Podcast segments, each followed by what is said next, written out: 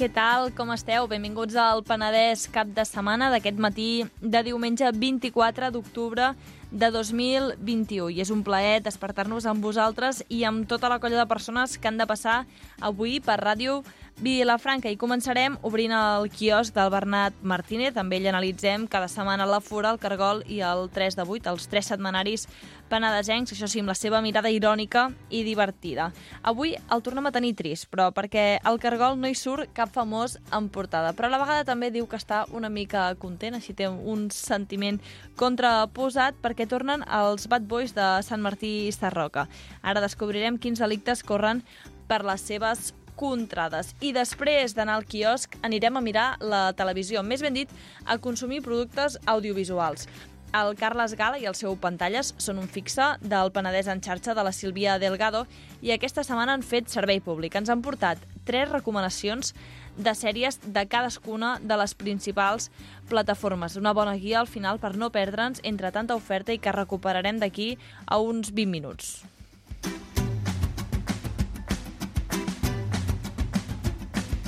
I a partir d'ara, el penúltim espai dels diumenges el dedicarem a visitar cellers del Penedès. Ja tenim una colla de cellers que ens han dit que sí, que ens visitaran.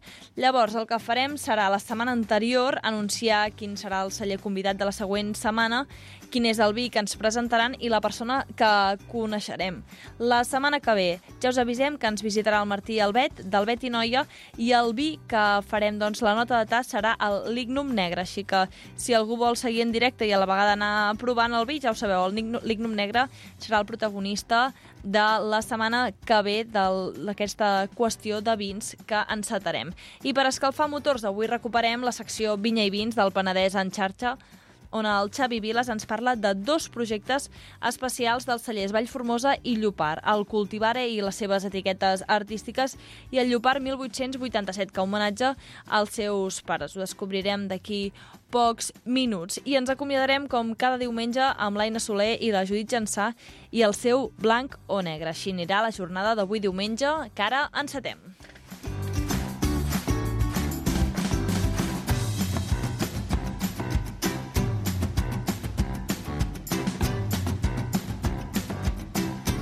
Penedès cap de setmana, el magazín dels dissabtes i diumenges a Ràdio Vilafranca.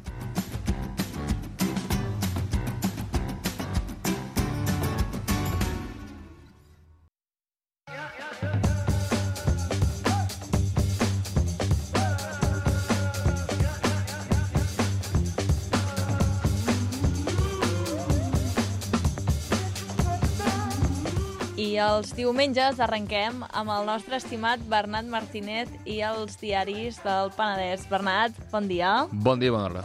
Com estàs? Se m'ha enganxat la llengua, eh, dir bona hora. Ah. Eh, això és un símptoma inequívoc de que és diumenge i molt d'hora.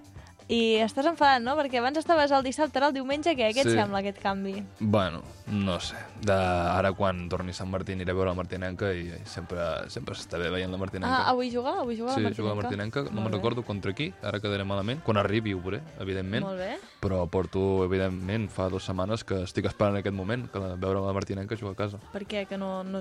No, perquè és molt distret. És, un, ah. és la meva dosi setmanal de, de forofisme extrem i on la, on la línia entre violència i, i forofisme eh, és més, eh, no sé, difuminada. I estem parlant de futbol comarcal de l'equip de Sant Martí i Sarroca, que està a quarta catalana. Sí, la Lliga sí. Penedesenca. D'acord. I quarta catalana es caracteritza sobretot per haver-hi bastantes patades. Quarta catangana, que li dic jo. Ah, doncs, això, això. Bé, avui no venim a parlar de futbol, sinó que venim a repassar doncs, els principals setmanaris penedesencs i què en diuen. Comencem amb el cargol, no? Sí, eh, tinc el disclaimer, però ara cada vegada ah, fa perdona, més mandra, perdona, eh? però no, no, és, és hipernecessari quan es tracta d'informació i sobretot amb emissores tan rigoroses com eh, Ràdio Vilafranca, sempre s'ha d'agafar, t'has d'agafar o has de trobar les teves maneres de driblar eh, les imprecisions. Comencem. Estimat oient, em dirigeixo a tu per avisar-te que als propers minuts escoltaràs certes afirmacions sobre certs temes que poden estar errades. No passa res, volem fer una pinzellada de la premsa comarcal, no una tesi doctoral de cada tema. Dit això, ara sí, Cargol, el Cargol, que més aquesta setmana no portes el diari físicament, sinó que ja hem descobert que hi ha una versió online i llavors ara ho fem així, no? Increïble. No, avui tinc el cap eh, in, in, bueno, eh, ingerit dins de, el cul, segurament, perquè no, no sé on tinc el cap i m'he deixat el cargol a casa. I llavors eh, l'he portat en format digital, més ben dit, me l'has facilitat tu en format digital, que Sí. ets una persona molt pràctica. Així I res, avui el cargol no porta en portada uh, un cap famós. I ja, és que este, de, crec, fermament, crec que aquesta temporada la premsa comarcal penedesenca uh, està davallada clara. Doncs que està que clara, no? com a clara. Molt bé, molt bé. I, bueno, i, els, i, el, I els teus acudits, els teus jocs de paraules també estan Sí. una mica en davallada, eh, Sí, també, Bernat? també, la veritat. Doncs no porta cap famós en portada i porta la festa de la transhumància, que en volia parlar després, però aprofitarem per parlar-ne ara, que se celebra el 21, 22, 23 i 24 d'octubre d'aquest Mm. d'aquest any, aquest octubre dos, del 2021. I clar, festa de la transhumància, jo no me l'imagino els monjos. Santa Maria dels Monjos. No sé, és una festa no? que me l'imagino a Castellà de Nuc o, o a Camprodon, però els monjos, no sé. Hi ha gaire ramats, els monjos? Home, sí, sí que hi ha... Ah, sí? A Sant Sí. Martí només n'hi ha una. Els monjos jo sé que n'hi ha, ha mínim un, mínim un, sí, sí, sí. Doncs bé, celebrem la festa Sí, de la transhumància. No, i escolta'm una cosa, um, l'altre dia vaig convidar una, una amiga per aquí a Vilafranca i saps què em va dir? Què li va vaig dir? ensenyar, li vaig fer el tour per Vilafranca. Mm. Em va dir que Vilafranca semblava Camprodon. En sèrio? Sí, sí, sí.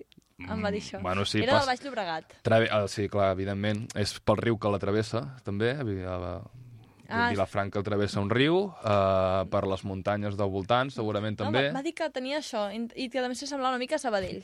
és sí, que sí. això és el típic comentari que, fa les perso que fan les persones que han sortit tres vegades de Sant Joan d'Espí a la seva vida. Llavors, no m'estranya que hagi dit que s'assembla a Camprodon, perquè a tot el que no és Sant Joan d'Espí li recorda Camprodon. no, no. Doncs, som-hi, som-hi, va. Se- Avui estem una mica espessos, va. Uh, Bueno, una, una abraçada a l'amiga de, de, Sí, de Sant Joan d'Espí. de Sant Joan d'Espí. Era Sant Joan d'Espí? Sí, sí, sí. Ah, sí, sí? sí. Ah, No. em pensava que ho sabies. No, no, ho he dit per Ah, dir qualsevol poble de l'àrea Ah, metropolitana. molt bé, doncs sí, sí, sí. Horòscop o no? Horòscop, som-hi, Eh, som-hi. he estat Any- aquí passant pàgines digitalment com un possesso, que en castellà un possès, en Un possès, es diu en sí, català possès? Bueno, Posseït. Posseït, exacte. I comencem. Quin és l'horòscop del nostre Sí, amic Joan Amat? nostres. L'hem llegit no sé quantes vegades. El teu Quin és horòscop. el teu ah, horòscop, ara, Joan, sisplau? Ara t'hem pillat. Escorpí. Ara l'hem pillat amb ell, eh, amb els pixats del ventre. Nosaltres Sí, sempre, sempre és allò que ens pillen nosaltres. Uh, escorpí. Um, no hi és escorpí, sí que és, sí. Ah, mira, Escorpí. Escorpí. Aquí el tenim. Et mostraràs com ets, sense estratègies ni artificis, i aquesta naturalitat atraurà molt tothom. Tindràs bones idees econòmiques que necessites posar en pràctica ja. Has vist? Molt bé, Joan, el Joan amb el seu somriure que amaga la mascareta, Has però... d'invertir en criptomonedes, Joan. És el moment. Idees econòmiques sempre és un bon moment. Sí. No animem a ningú a invertir en criptomonedes. Ara Al diuen que contrari. estan, han tornat a, a assolir un nou rècord. Sí, I bueno, bé, acabem amb un altre dels horòscops, Capricorn, va. Capricorn, avui et dona per Capricorn... Eh, eh, eh, eh. Vale, el Capricorn, el tenim. Les preocupacions i responsabilitats t'estan afectant, fent que t'alteris i explotis fàcilment. La lluna, el, seu, el teu signe, t'apor- t'aportarà perdó, la força que necessites per alliberar-te de tanta càrrega. Hòstia, que els Capricorns... Sí, mala setmana, pobres. Sí, sí, doncs va, Capricorns, molta, Vinga, molts va, ànims. ànims. A bé, que podeu, que eh? podeu. Ànims, Capricorns! I va, anem a per la fura. A part la fura, i parlem de les pistes, tampoc portem la fura, ja et dic que avui és un dia que mm, no sé per què he sortit de casa, a partir d'aquí tot anirà a pitjor, perquè no sé on tinc el cap.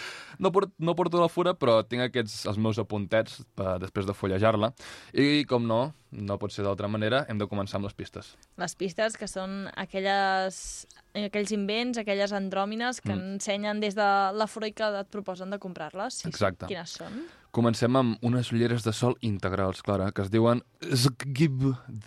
O sigui, un, Sí. sí. el típic que t'has equivocat, t'has adormit sobre el teclat i t'ha escrit això. Sí, Molt bé. és això el mateix que em- m'ha rebentat el xiste, que Ah, és el que anava a dir ara. perdona, I el nom perdona. el van trobar fent un cop de cap al teclat. No, bé, no vol dir que tenim un, un sentit de l'humor igual de pèssim, els dos, però sí.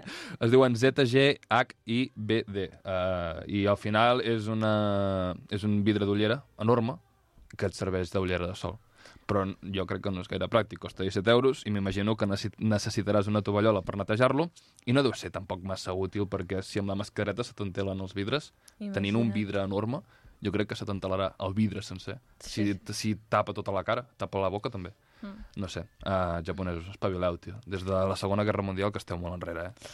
Doncs sí, sí, i millor doncs, consumir eh, productes locals, anar a les diferents òptiques, que a Vilafranca n'hi ha unes quantes, i agafar... A Sant Martí teniu òptica? Sí, moltes. Sí? Cada cantonada. Molt bé, No tenim ni una. ni una. Seguim. Uh, tassa molona, li diuen així. Amb una tassa molona al Hack Cup abraçada, la, la copa abraçadora. No, no, crec, no sé per què.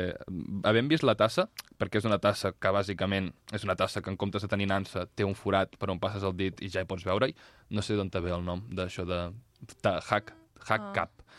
Uh, també vol dir que és una tassa on hi cap la meitat del líquid que en una, tassa, en una tassa normal i, com sempre, el coquisme et donarà feina perquè t'hauràs de fer dos cafès amb llet amb el que normalment te'n feies un, o sigui, per cada Ah, és, tip. és pel tallat, doncs. és pel Exacte, no tallat. és que ni això... O sigui, Ni sí, això.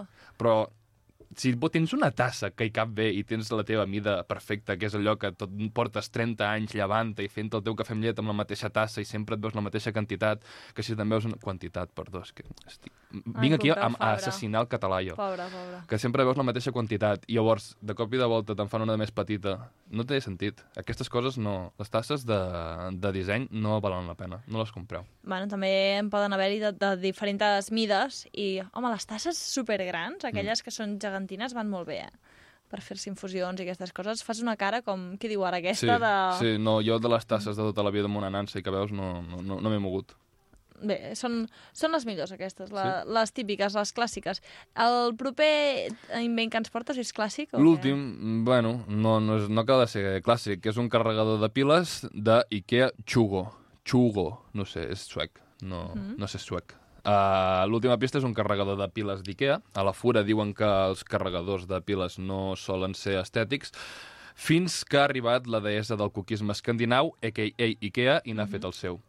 Uh, a mi no em sembla gens cookie, Clara. Uh, sembla més aviat un aparell informàtic d'aquells que ningú sabia massa bé per què servia, però sempre n'hi havia una en alguna aula d'informàtica a principis del 2000, uh, no sé, quan, eres, quan eren petits, a les classes d'informàtica, quan els ordinadors eren més grossos que el cul d'un titi, Que hi havia la torre, Sí. hi havia el ratolí, hi havia l'alfombreta, I- hi havia tot. però hi havia aparells que no sabies ni per què existien, o que no Sí. sabies ni què eren, i tots tenien com un color groc bastant horrible, Sí, era horrorós, sí, com sí, un groc sí. crema, no un groc, un groc blanc, un groc Sí. cap a blanc. Sí, sí, sí, sí, doncs que no sabies què em recorda un aparell així, així Ah. totxo, gros, que necessita no sé quantes bateries per funcionar, però bueno, no és cookie, vale? És un carregador de piles. Sí. Que encara la gent fa servir piles. Tu per què fas servir piles? No ho sé, jo no el faig Tu servir no, pel eh? mando de la tele, no? És que tampoc mires la tele.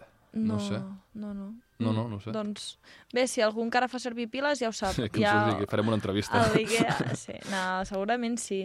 No, però ara passa que ja ni tens piles a casa, que si algun dia necessites per alguna cosa piles, ja et costa. Tinc la ferreteria sota casa. Bueno, ferreteria no. Ostres, és que avui estic de veritat. Eh, eh tinc... no sé com es diu. Una botiga de piles, Sí, tinc una botiga de- bàsicament. Sí, sí. Bé. Va, anem amb el tema de la setmana. Anem amb el tema de la setmana, eh, que és, bàsicament, abrigueu-vos que ve el fred. Mhm. Aquesta setmana la Fura es disfressa de la vostra àvia. Em estossegaré, Clara, em sap greu. Ui, soc la primera persona que no estossegui de bona perdó, sinó que anuncia que estossegarà. Perdó.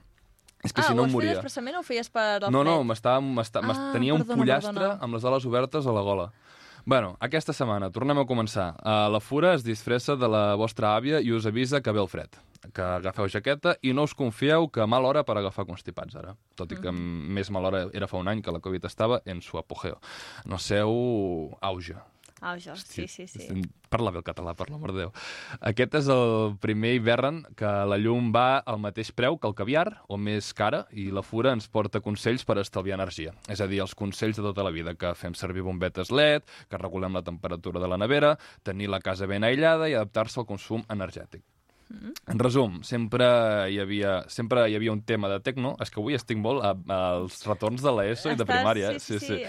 Uh, sempre hi havia un tema de tecnologia, a- a.k.a. tecno, per als jovens, uh, Sí. que anava d'això, d'estalviar energia i de com tenir una casa sostenible. El tema de la setmana de la fura és el temari número 10 del llibre de tecno de quart d'ESO. Però això sí, això és servei públic, això són coses que de veritat ens importen, que de veritat ens afecten. Home, Ah, el bueno, fred, això sí, ara sí, el sí. fred ens afecta, la O sigui- pujada de la llum ens afecta perquè està caríssima. Dono Sí, suport que la FURA ho faci, no dono suport a que ho facin els llibres del col·le, eh, de l'ESO. No. El problema és, no, jo crec que no és tant com ho fan els llibres de l'ESO, sinó com ens ho expliquen perquè després no ens en recordem ni en som conscients Ja. de la importància sí. que té. Sí, sí, pot ser, perquè Tecno la tenia creuadíssima jo.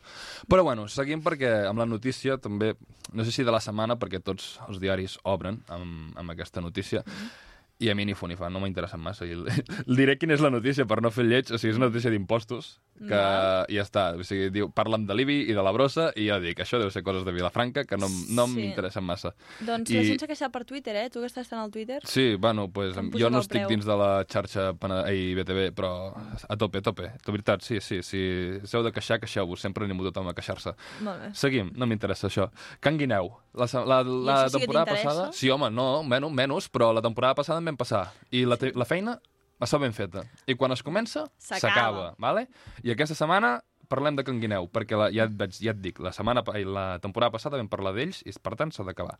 Uh, no sé, què, no sé què estic llegint ara mateix, crec que m'he equivocat de notícia. No, sí, sí. No, estem parlant de Can sí, sí. Guineu. Què ha passat Tots els, els, tots els ciutadans de Sant Sadurní Sí? que aquí he escrit Sant Martí, d'aquí Ah. que jo m'he liat, tots els ciutadans de Sant Sadurní s'han de donar per assabentats que fins al dia 30 de novembre podran proposar els usos de la masia de Can Guineu, Clara. Ah, i quines opcions hi ha, ho saps o no? No, s'ha de proposar. O sigui, que Ah, voleu que val. s'hi faci un cafè, proposeu-ho. Que voleu que s'hi faci una granja, proposeu-ho. Que voleu que la voleu fotre a terra, proposeu-ho també. Mhm. Aneu a la web sensadorní.cat o a l'oficina de participació ciutadana i us escoltaran i vosaltres decidiu el futur dels vostres locals. I per què no els hi dones alguna idea per tots els nostres estimats Jo- oients de Sant Sadurní? Què no- poden fer amb Can Guineu? No què sóc de Sant? Sadurní, jo, Clara. I què? Per Però l'amor de Déu. idea que necessitarien. No sé, què fa falta a Sant Sadurní? No tenen pistes de pàdel.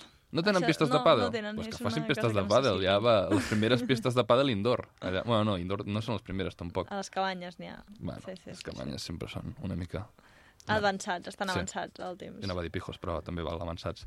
Uh, seguim amb la pandèmia uh, que fa que hi hagi que s'hagin de construir més nínxols, Clara, i cineraris. Sí. Cineraris, no m'agrada gens aquesta paraula. Que és per incinerar... Sí, per les cendres. Per les cendres, sí, sí, sí. Una cosa que tinc amb la pandèmia és que hi ha hagut molta gent malalta i quan la gent es posa malalta, a vegades passa que es mor. Uh, això és exactament el que ha passat i per això l'Ajuntament vol ampliar el cementiri i fer-hi bueno, 56 nínxols més i 40 cineraris més. Demanem, per tant, fem la crida des de Ràdio Vilafranca cap a la gent de Vilafranca que si té previst morir-se, que no ho faci, que esperi a que s'ampliï el cementiri, que si, que si s'haurà de passar molt de temps allà, millor que ho faci ample i que no hagi d'estar apretujat amb altra gent. Sí, sí, sí, millor, millor. Doncs, home, hi ha un cementiri que té unes vistes increïbles i un tanatori que és preciós. Sí, no ho sé, és si molt tu ho dius, sí. Sí, sí, sí, que sempre que, que hi vaig penso, mira, d'aquí hauríem de posar un bar, que seria molt, Oi? molt bonic. Sí, Sí, sí, sí, la gent emborratxant-se allà mentre s'ha mort la, què Sí. sé, la matriarca de no, la família. però com a mínim et dona una certa pau. Dius, mira, doncs estic passant un moment complicat, però a la vegada veus el tanatori i és molt bonic. Sí, sí, Sí, sí, sí. no sé. Has sí, anat mai sí. al tanatori de Vilafranca? Sí, sí, sí, he anat, però és que tampoc no recordo massa, eh? No doncs sé. és molt bonic, és molt bonic. Sí, sí. Sí, sí. No espero que se't mori ningú perquè l'hagis No, d'anar a no, veure, però... tranquil·la, Clara, i acabarem en igual. A no ser que sigui jo el primer, però esperem que no, sobretot, estem tocant fusta. Però... Sí, sí, ben Si una cosa tenim clara és que tots... Clara, Clara, cada vegada que dic Clara, de veritat, deixa de clara. Una cosa que tots tenim clara, clara, Sí. és que tots acabarem allà. Tard o d'hora, allà o el Ricard Fortuny, algun dels dos Algun llocs. dels dos llocs, 100%. Sí, sí, sí. sí, sí. Uh, 3 de 8. 3 de 8, som-hi, som-hi. Passem al 3 de 8. Ja aquesta temporada ja no em portes allò que deies, el, fa, el Sí. Times no sé què del Penedès. Sí, sí, no ja sé, no... és que ja se m'han acabat els noms. No Ja sé, què vols que li digui? Ja, la setmana passada I ara vaig batejar. dissimuladament estàs intentant guanyar temps i no Sí. te n'estàs en sortint No, cap nom, eh? la, em, em tornaré a agafar el de la setmana passada, que és un diari del Penedès, és a dir, de l'Alt Penedès, és a dir, de Vilafranca del Penedès. Mm. Ja està. No? Sí. Pues, agafant, escopiant a la sotana descaradament, eh, definim el 3 de 8. Que en portada, aquesta setmana, porta el Pau Casals i en dedica bona part de l'edició eh, per commemorar el 50è aniversari del seu discurs a l'ONU de...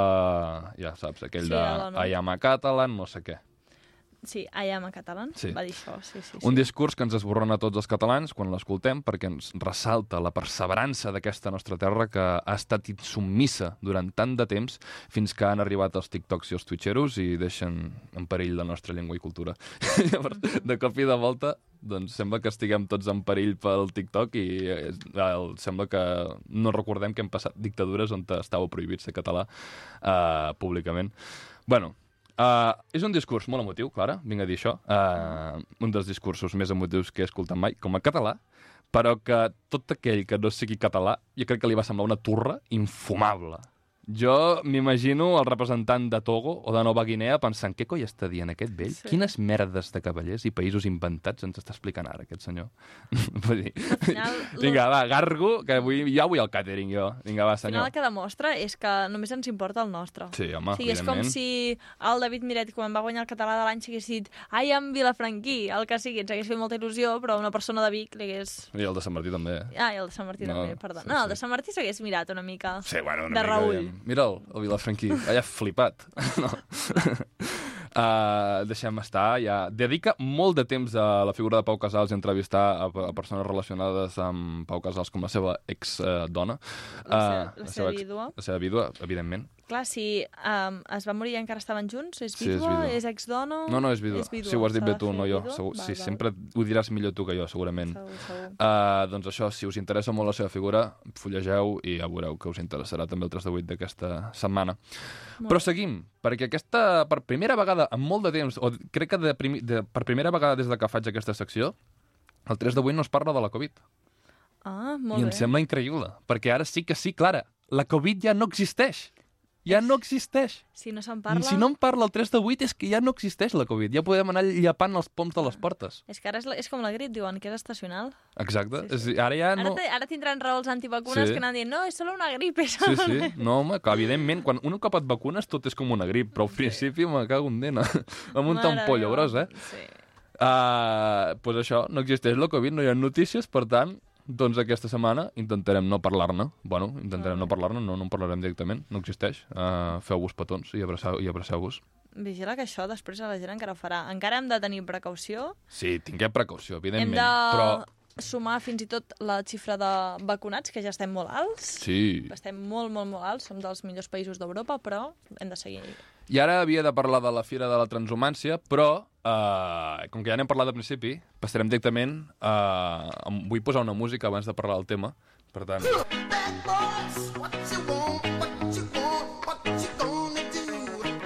Poses, poses aquesta música perquè t'agrada la cançó o perquè cal? Per, per, per les dues coses. Una, m'encanta, i dos, és molt necessari. Perquè, senyores i senyors, arriba el, mom- el moment del programa de parlar de Sant Martí Sarroca. I quan parlo de Sant Martí Sarroca, avui parlaré molt de Sant Martí Sarroca. Avui vinc carregadet. Després, després em justifico. Però avui vinc carregadet de Sant Martí. Primer de tot, uh, a Sant Martí Sarroca, per solucionar el greuge dels que es creuen que la pujada del castell és la recta del circuit de Montmeló, l'Ajuntament s'ha empescat una reforma de la carretera que de ben segur aconseguirà que la gent deixi de passar per allà en cotxe com si fos Nani Roma al Dakar. Vale? Volen, volen reformar la carretera del castell. I això ho explico. És per un greuge que la gent va per allà com si fos, no sé, Sí, no m'ho però si explico. fa pujada, és molt... Bueno, després fa Bueno, més baixada. divertit sí, encara, sí, sí. no passa res. Sí, Sí, estic, sí, ara sí. estic parlant com si tingués 60 anys, eh, Clara? Però bueno, és igual. Uh, no només això, seguim. Uh, sinó que veient la deriva del poble i la poca previsió perquè la cosa canvi, l'Ajuntament ha posat en marxa un, ajunt un servei perdó, per emergències per tots els seus treballadors. Ah. Ja veuen a venir que algun dia tindrem un susto i val més que no se't mati ningú, que no... Mm, fa de molt mal veure. Uh, gent al poble fent cursos de primers auxili auxilis, sí, empleats, sí. i que ja es veuen a venir, aviam com acabarà. Però encara no s'ha acabat. Encara, Ah. mm, encara hem de parlar de més coses, perquè avui porto tres notícies, Clara, sobre Tres? Sant Martí. Aquesta última no surt en l'edició. T'estàs passant el cup, Sí, sí, sí, avui, avui no? vaig a tope, però i, bé, ho justifico A i, veure, a i, veure. i estarà ben justificat. Uh, aquesta última no surt el 3 de 8, en paper. Uh, està només en el format web, en el format premium, en el format de subscriptors. Mm. És la que et vaig passar uh, Sí, per, sí. per WhatsApp. Vaig dir, mira, parlaré d'això. Uh, així que a pagar, amics. Però no passa res, jo no pago no, el 3 de 8, puc dir, no passa res. Jo vaig als forns i agafo el 3 de 8. Ah. O, o el compro al quiosc, no sé. No, clar, el, el 3 de 8 no es ven als forns. No, bueno, no, vas no, no, vaig al quiosc i l'agafo, evidentment. Però jo no pago. El que passa és que el 3 de 8 està valent com a notícia i fent pagar a la gent una notícia que l'ha posada textualment com la nota de premsa que ens han passat a tots els martinencs. Llavors ja tinc la, la nota de premsa. Per tant, llegiré aquesta nota de premsa sobre la, la que crec que jo, jo crec que és la notícia de la setmana. A veure, a veure, doncs notícia de la setmana. Vale. Cap a les 4 de la matinada del dissabte al diumenge, vale? Ens situem fa una setmana. Fa una setmana. Dos joves de 18 anys, Clara, van ser detinguts com a suposats autors d'amenaces a un menor amb dos matxets de grans dimensions, proferint-li una pallissa, trencant-li el nas i robant-li una bossa de mà amb el mòbil. Home, Això és noi. Sant Martí Sarroca, vale? Doncs quin perill. Oi que sí? Sí, sí, No, i quan estic dient uh, matxet, Matxet, què, què són els matxets? Sempre Vale. es parla dels matxets, però vull saber exactament què són. parlo de matxet, vale? Uh, primer, abans d'especificar què és un matxet, voldria dir el que es va confiscar. Es van confiscar matxets, un rellotge i dos mòbils. Mm. A més del propi vehicle, ja que no van poder acreditar que era seu. Vale? Sí, o sigui, clar. això és el millor de cada casa. Uh, un matxet, Clara, no és un ganivet qualsevol, vale? Amb allò, agafes una mica d'embranzida i fas un cop sec, jo crec que fas un forat a una pota de pernil, eh?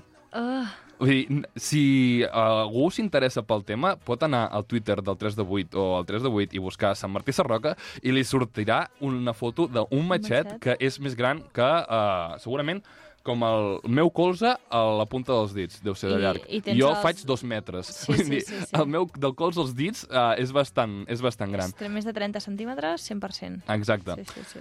Això és tot. 40. Vale? Jo vinc a exportar el salseo, el, el, les coses, la salsa bona de la comarca, perquè l'Alt Penedès està molt avorrit, llavors jo m'he- he d'escombrar cap a casa, Clara. Sí, sí, no, no, i Sant Martí sou els que ens doneu més contingut. Enhorabona, sí, enhorabona. Sí, sí. Per això poso aquesta música, perquè al final és on te... hi ha els bad boys, saps, de la comarca. Els Bad Boys. Home, Sí. i tu també hi vius allà. Sí. Llavors, això és el triple Bad Boys. Sí, sí, doncs això és tot de Sant Martí. Uh, cada dia estem més a prop de ser el nodo martinenc, eh? De... Sí, sí, sí, sí, sí, no, no, sí, jo crec que et paguen una comissió i tot l'alcalde o l'alcaldessa, qui és? L'alcalde? Sí, És el Pado. el Pado. El Pado. Ah, molt bé, Conegut a Sant Martí tot arreu com el Pado. Molt bé, doncs suposo que el Pado et deu donar calés, estarà content amb tu, i bé, això sí, com que ja estàs massa de nodo a Sant Martí, et fem fora. Ja està? Ja estem, Em fas fora? saps fora. Perfecte. Apa, molt bon diumenge, cuida't molt, Bernat, i ens veiem la setmana que ve. Apa, vagi bé.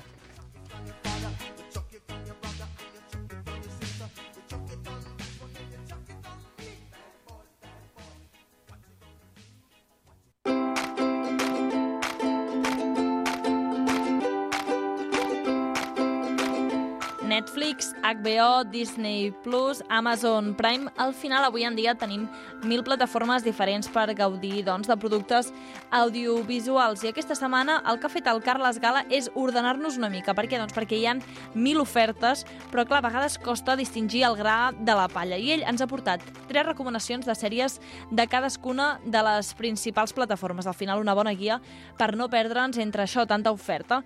Ara mateix ho recuperem, que és un de les seccions fixes del Penedès en xarxa que s'ha celebrat aquesta setmana amb la Sílvia Delgado.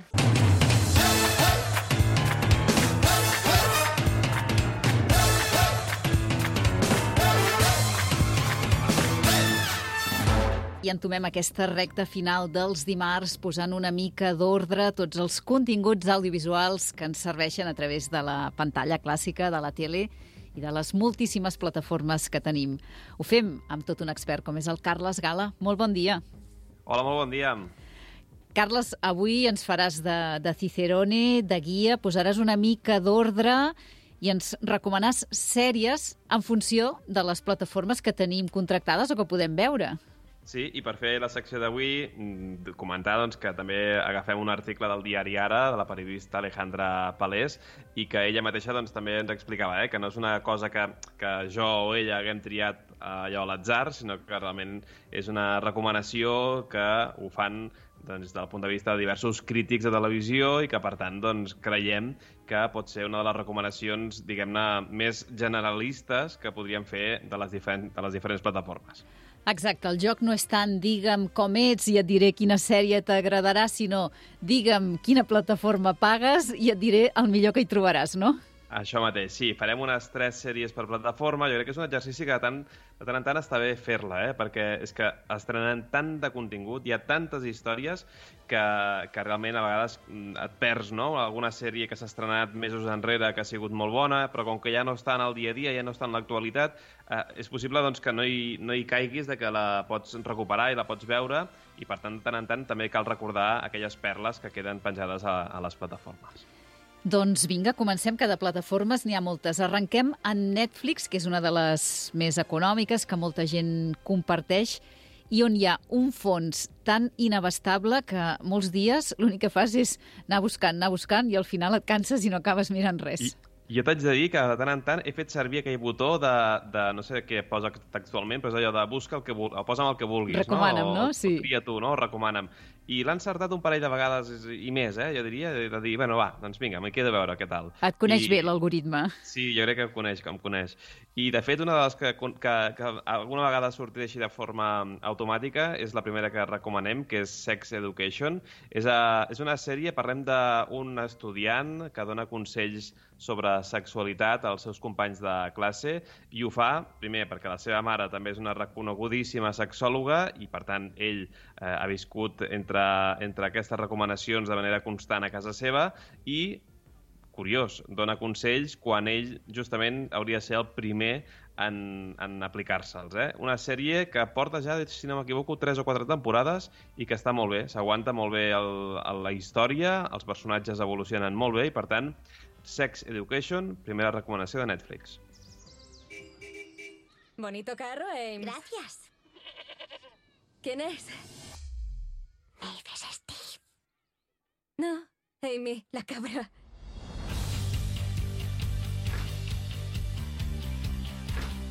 Otis, ¿qué tienes en la cara? ¿El bigote? Me lo he dejado crecer todo el verano. Casi se me olvida. El otro día vi a Maeve. Ya no me importa lo que haga Maeve. Aquí están algunos de los alumnos que asisten al que la gente llama el Instituto del Sexo. Buenos días, Murday. ¿Cómo estáis todos esta mañana? ¡Bastante bien! Soy la nueva jefa de estudios. Aquesta és la primera proposta que ens fas a Netflix i en tens un parell més. Sí, Gambito de Dama, eh? aquesta minissèrie que n'hem parlat moltíssim en aquí, és aquest fals biòpic sobre una jugadora d'escacs amb un gran talent i molts obstacles vitals, que ha sigut, diríem, un dels èxits inesperats de Netflix i també el trampolí de l'actriu Anya Taylor-Joy, a qui a partir d'ara doncs, no l'aparem de veure a, a la gran pantalla fent d'actriu amb, altres, amb altres històries. Uh, aquesta història relacionada amb el món dels escacs, una nena que de cop i volta amb un orfenat comença a interessar-se per aquest joc, fins que d'adolescent, ja de gran, doncs es fan una de les estrelles del, del món del, dels escacs. Una, una minissèrie que no cal parlar res més, n'hem parlat moltes vegades i un èxit. I la tercera en parla tothom, el Juego del Calamar. Sí, aquesta sí que aquests dies jo diria que és la sèrie que més està ara mateix mediàticament a tots a les converses. Moltíssima gent l'ha vist, eh, fins i tot està ara ja fins a la sopa, eh? veiem memes d'aquests per tot arreu, i és una sèrie, no explicarem gaire, perquè aquella gent que no l'hagi vist doncs que no tingui gaire sorpreses, però al final és un joc, eh? és un joc eh, entre diversos personatges, eh, una sèrie dura en aquest sentit, violència a tope, eh, una estètica doncs, molt curiosa, amb unes màscares i unes disfresses que també s'estan posant de moda, i a partir d'aquí polèmiques mil, eh? Vull dir, quan una cosa té molt d'èxit, sabem que també genera moltíssima polèmica, i el Juego del Calamar, una de les recomanacions també de Netflix.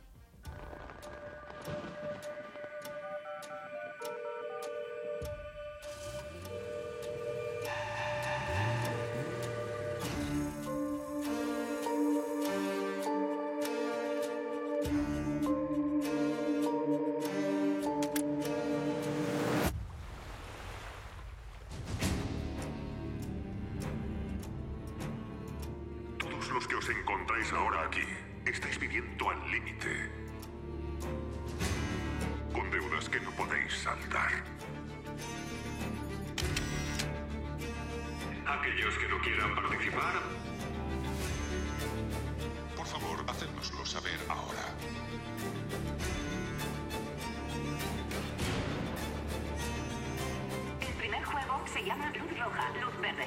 No jugábamos a esto cuando éramos... Deies que també ha estat envoltada per la polèmica. Aquesta mateixa setmana o finals de la passada, el CAC, el Consell de l'Audiovisual català, feia un toc d'atenció perquè l'estan veient menors i em sembla que la recomanació és a partir de 16. I, i, i posaria 18 fins i tot, eh? Però, Sí? però bé, sí, no, no sé si l'has pogut veure, Sílvia. No, em fa una mica de mandra, com que en parla tothom. Jo he vist el primer capítol i aquí m'he quedat, eh? I jo Sí. no crec que segueixi. Però sí que és veritat que, a més, la vaig veure a, a pelo, eh? Sense tenir cap mena d'informació, sense veure tràiler, sense tenir res, i realment mm, és d'orilla, és d'orilla. Canviem de plataforma. Apple TV. Doncs sí, és una de les plataformes potser menys mm, conegudes o que s'utilitza menys, però és, és veritat que hi ha perles impressionants. Eh? És potser la més elitista i una d'elles, elles, és guanyadora com a millor comèdia, que és aquesta de Ted Lasso, eh? aquell entrenador de futbol americà que de cop i volta doncs, eh, vol, vol entrenar a un equip de la Premier de futbol normal. De fútbol, macho, eres una leyenda por una payasada. Se te ha ido la olla, te van a arrancar la piel. El fútbol nos sorprende desde el otro lado del Atlántico. El club Richmond ha anunciado a su nuevo entrenador, Ted Lasso. Es usted un estadounidense que ahora entrena a un equipo de fútbol a pesar de saber poco o más bien nada sobre dicho deporte. Sé que el club de fútbol Richmond lo dará todo, ganen o pierdan. O empaten. Cierto. Que hay empates. ¡No sabes lo que haces! ¡No sabes lo que haces! ¿Lo has visto? Ese debe de ser de Inglaterra. Gales. ¿Es otro país? Sí, no. ¿Cuántos países hay en este país? Cuatro. Os guste o no, el club cambia su forma de proceder. A partir de ahora, se hará a la manera de Lasso. Este coche tiene un volante. Com ja vas repassant el seu dia, Emmy a la millor comèdia, molt recomanable aquest Ted Lasso. Però què més hi ha pel TV+. Plus?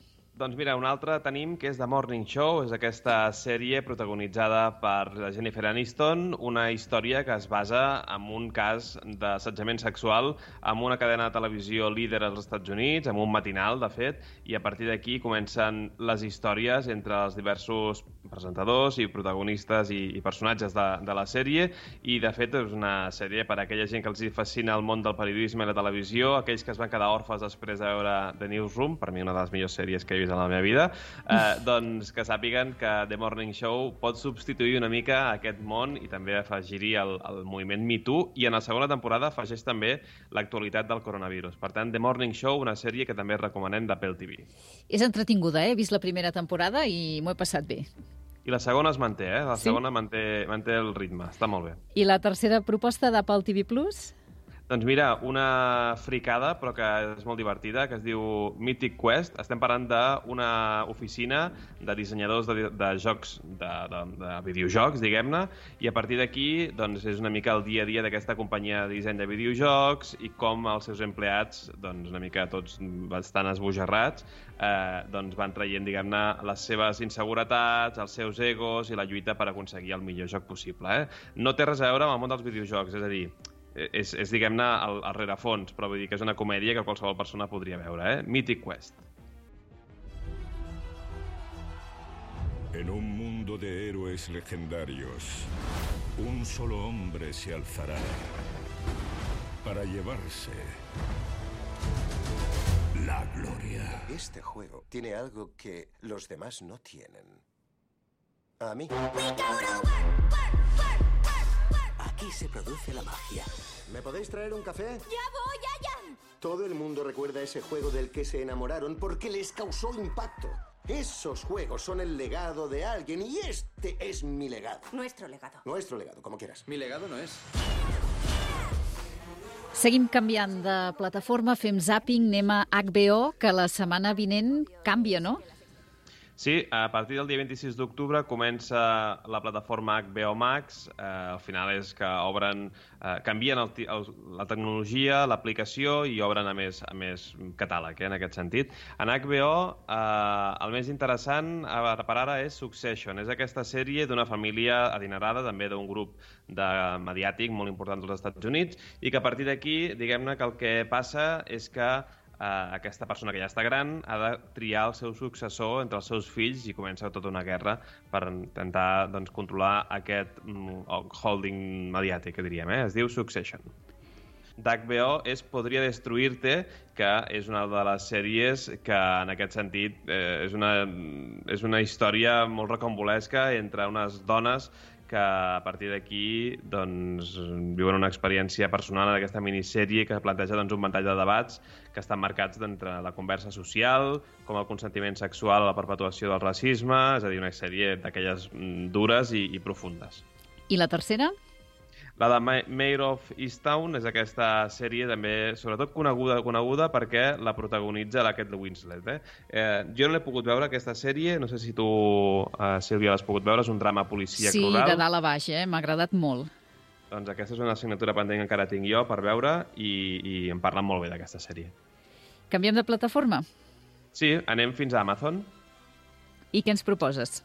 Doncs mira, Amazon, eh, que és una d'aquelles plataformes que també qui estigui subscrit a la plataforma Amazon Prime, eh, doncs també poden tenir tot el tema d'Amazon eh, Prime Video. Eh? En aquest sentit, una de les sèries que també va ser eh, molt aclamada per la crítica és Fleabag, eh? Una, que si no recordo, potser que guanyés també un premi, un Emmy, no recordo ben bé Sí, si va guanyar potser o no la. Phoebe Waller-Bridge, no? Fa un La parell Kiwi, oi? Em sembla que va d'anys. guanyar-la. Sí. sí. Doncs aquesta és una sèrie creada i protagonitzada, com deies, per la Phoebe Waller-Bridge. És una de les millors ficcions recents i una dram dramèdia, que diuen, entre dramàtic i comèdia, amb una protagonista doncs, sarcàstica i que sembla que està de tornada a tot, però que amaga una gran vulnerabilitat. I encara que només sigui perquè Waller-Bridge està tenint, diguem-ne, un paper fonamental en les dues de les sagues cinematogràfiques més estimades, que és James Bond i Indiana Jones, tothom hauria de mirar Fleabag, eh? és la sèrie que ens va descobrir una de les veus creatives actuals més fascinants. Tens una segona proposta.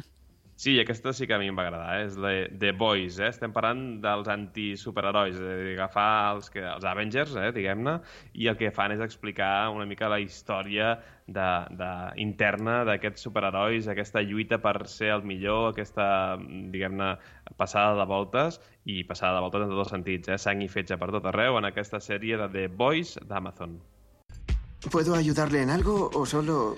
No voy a andarme con rodeos, Hiwi. Sé lo que le ha pasado a Robin. No está solo, chico. Los supers matan a cientos de personas al año por daños colaterales. No puedo parar. Ahí es donde entro yo. Para machacarles si se pasan de la raya.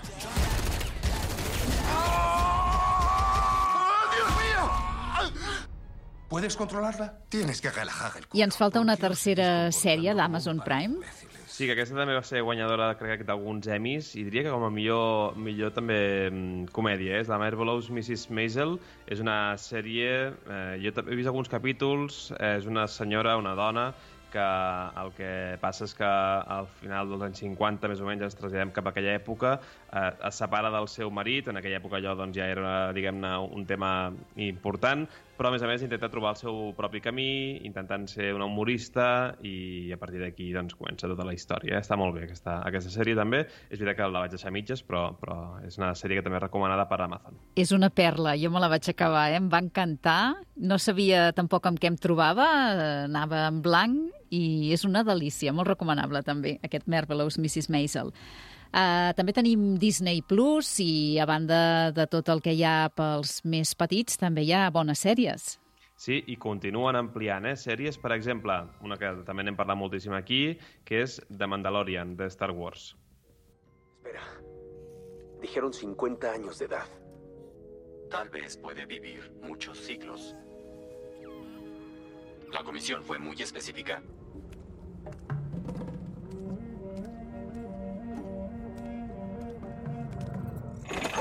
N'hem parlat molts cops, eh, d'aquesta sèrie, n'hem parlat molts cops, de Mandalorian, al final és aquesta, aquesta sèrie de l'univers Star Wars, que doncs, ha funcionat molt bé, porta dues temporades, ha funcionat també que a nivell de merchandising també és brutal, ha el Baby Yoda per tot arreu, i és una sèrie que aviat també tornarem a veure a tercera temporada l'any que ve.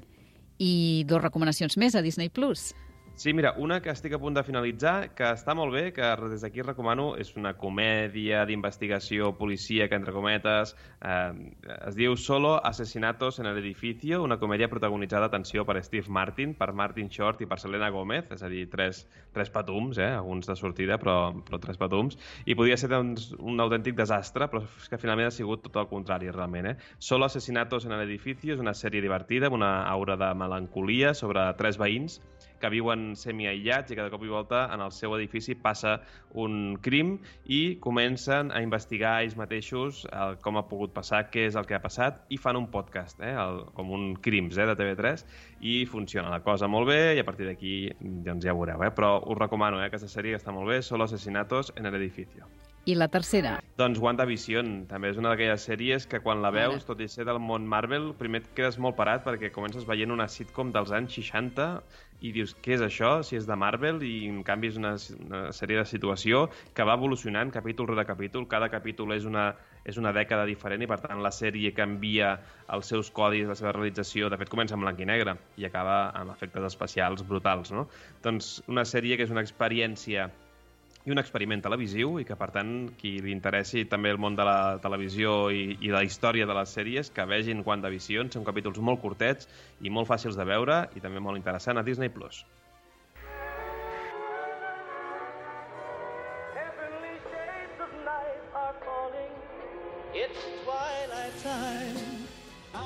Wanda y Visión.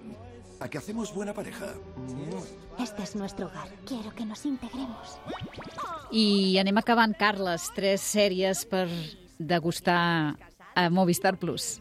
Sí, Movistar Plus, pensem que hi ha totes les plataformes, tots els canals, Fox, XN, per tant hi ha moltíssimes mm, coses per veure, eh? però tres, si ens hem de quedar en tres.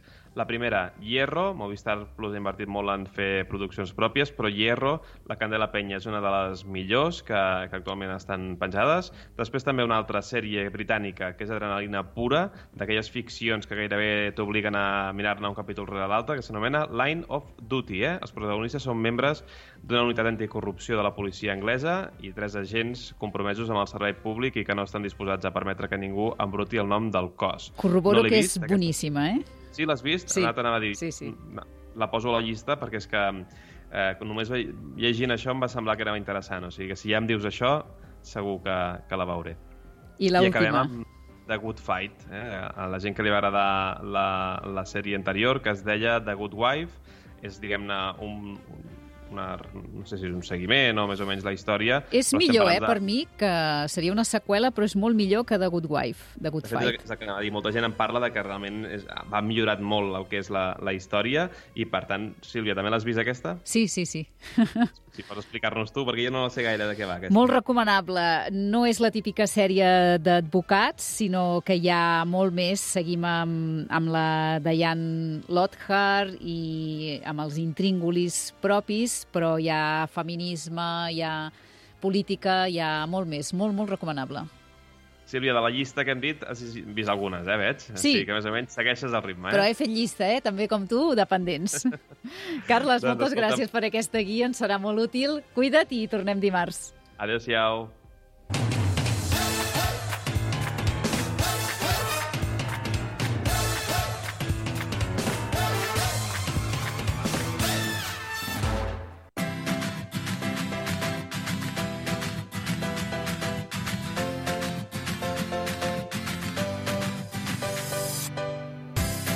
A partir d'ara, el penúltim espai dels diumenges el dedicarem a visitar cellers del Penedès. Bé, més ben dit, a rebre'ls. Ja uns quants ens han confirmat que sí, que ens visitaran i el que farem serà la setmana anterior anunciar quin és el celler convidat, llavors doncs els coneixerem una mica i després també farem una nota de tast amb el seu vi. Aquesta setmana que ve vindrà el Martí Albet, d'Albet i Noia, i diu que ens presentarà el Lignum Negre. Farem una nota de tast, així que si algú li ve de gust acompanyar-nos des de casa, doncs mira, el pot adquirir durant tota la setmana. Teniu temps de sobres. Hores, tot i que és veritat que aquesta hora del matí potser no serà el millor moment per degustar un, un lignum negre, que serà el que farem. I bé, per escalfar motors, avui ja començarem a parlar de vins, recuperarem la secció Vinya i Vins del Penedès en xarxa amb el Xavi Vilas, que ens parla de dos projectes especials dels cellers Vallformosa i Llopar. Ara mateix el descobrireu en aquesta conversa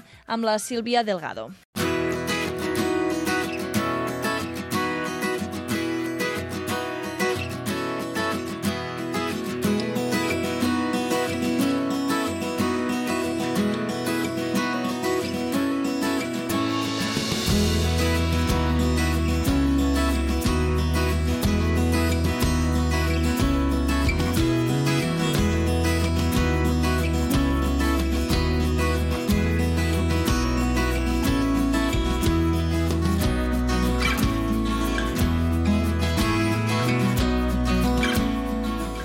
És hora de saludar el sommelier Xavi Vilas, que ens porta el de Vinya i Vins, com Hola. cada 15 dies. Bon dia, Xavi. Bon dia, bon dimecres. Tens amb moltes ganes, eh? Molta empenta. Sí, sí, sí.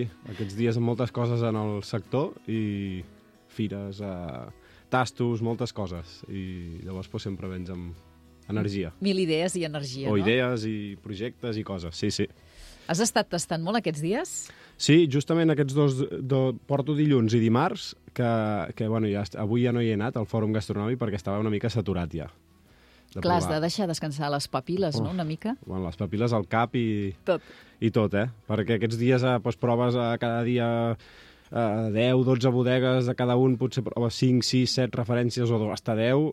Al final acaba sortint això, 60, 80 vins al dia, eh, que, bueno, que està molt bé, eh? perquè és la nostra feina, no? Eh, al final, eh, aquesta és la nostra eh, l'experiència, la, la, la, la formació. La raó de ser, no?, Sí, sí, sí, sí, això és formació. Escolta, i curiositat total, eh? Prens apunts perquè, clar, la memòria no dona per tant.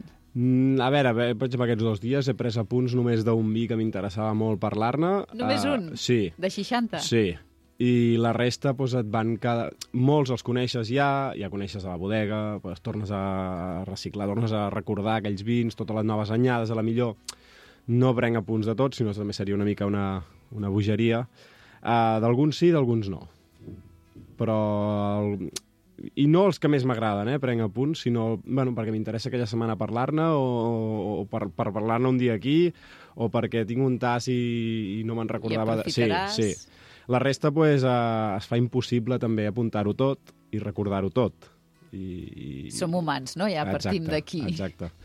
Tot i que és sorprenent a vegades que la nostra, la gent que ens dediquem a, a la millor puc recordar un vi que fa cinc anys vaig provar exactament tot d'aquell dia, no?, o d'aquell moment. Sí, et ve un flash i ho et ve un recordes flash, tot. et veu una cosa, i en canvi ahir ja no me'n recordo de la meitat de vins que vaig provar ahir.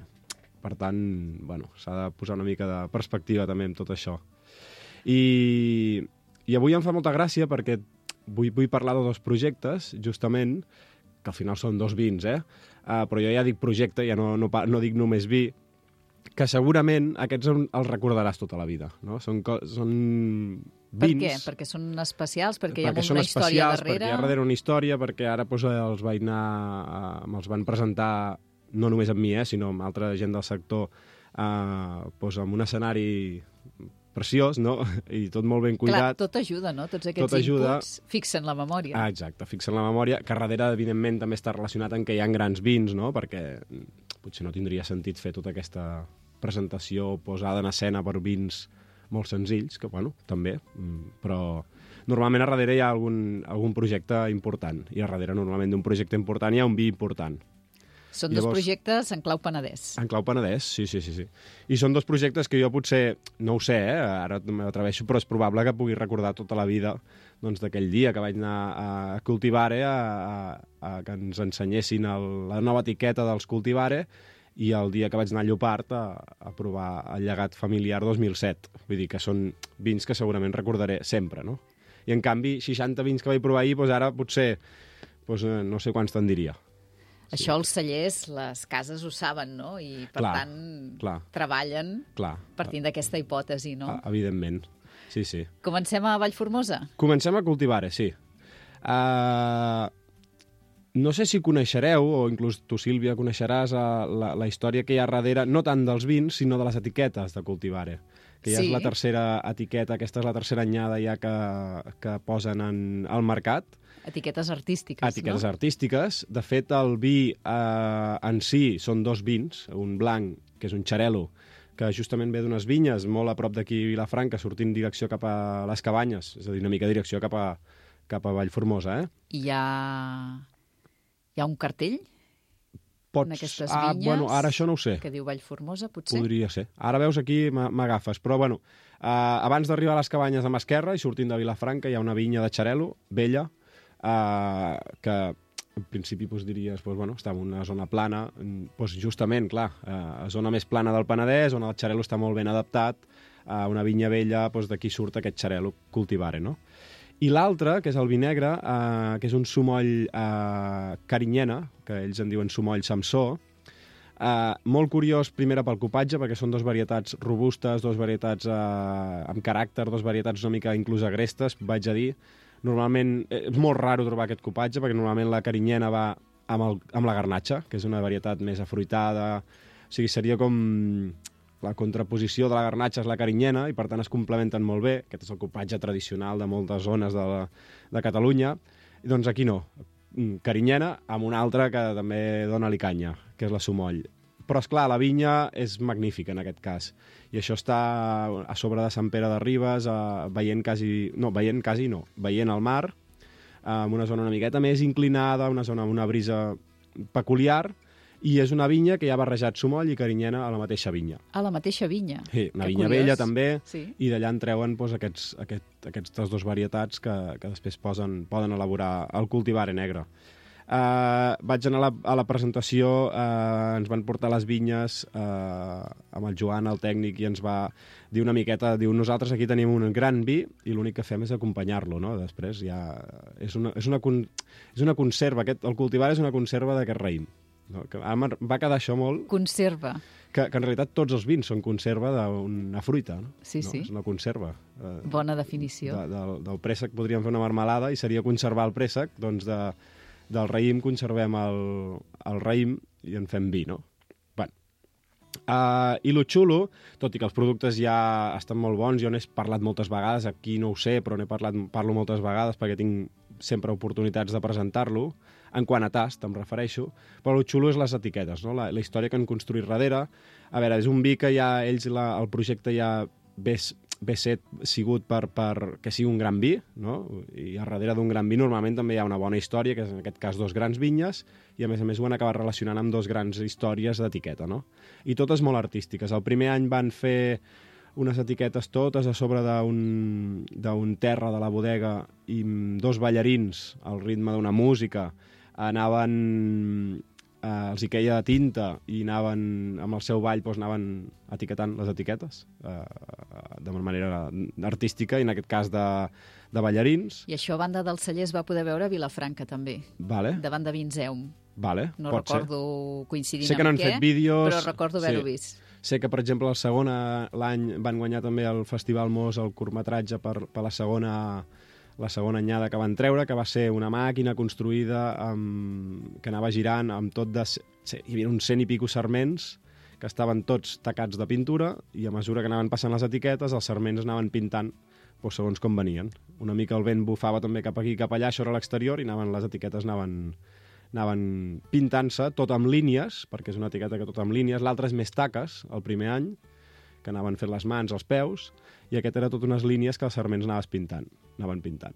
I aquest any han tret la nova anyada, eh, i bueno, mo molt xula perquè s'han inspirat amb aquest 2020, que ha sigut un any, ells en diuen de silenci, no? un any que, que ens han privat de moltes coses, també de la naturalesa, i d'això Vallformosa, el grup Vallformosa en va fer unes enquestes per no sé quantes persones, que tu havies de contestar un sí, no, sí, no, i d'això en treien com un codi binari, en treien uns, uns, uns uns i uns zeros, no? una mica explicat així perquè ens entenguem, i d'això en treien una melodia.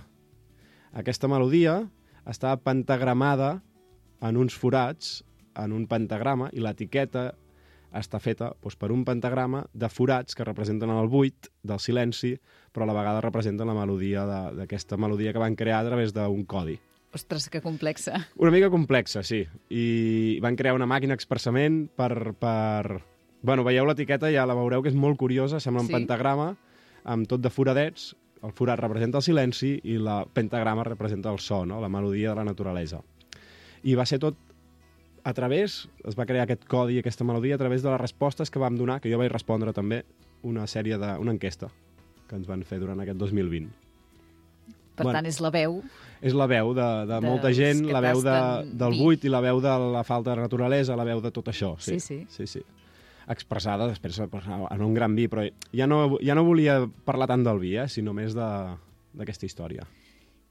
tres edicions, tres anyades i cada vegada s'ha treballat de forma diferent eh, Ah, exacte. aquest packaging, aquesta etiqueta, sempre en clau artística. Sempre en clau artística. Artística i naturalesa, a la, a la, o sigui, la relació de les dues.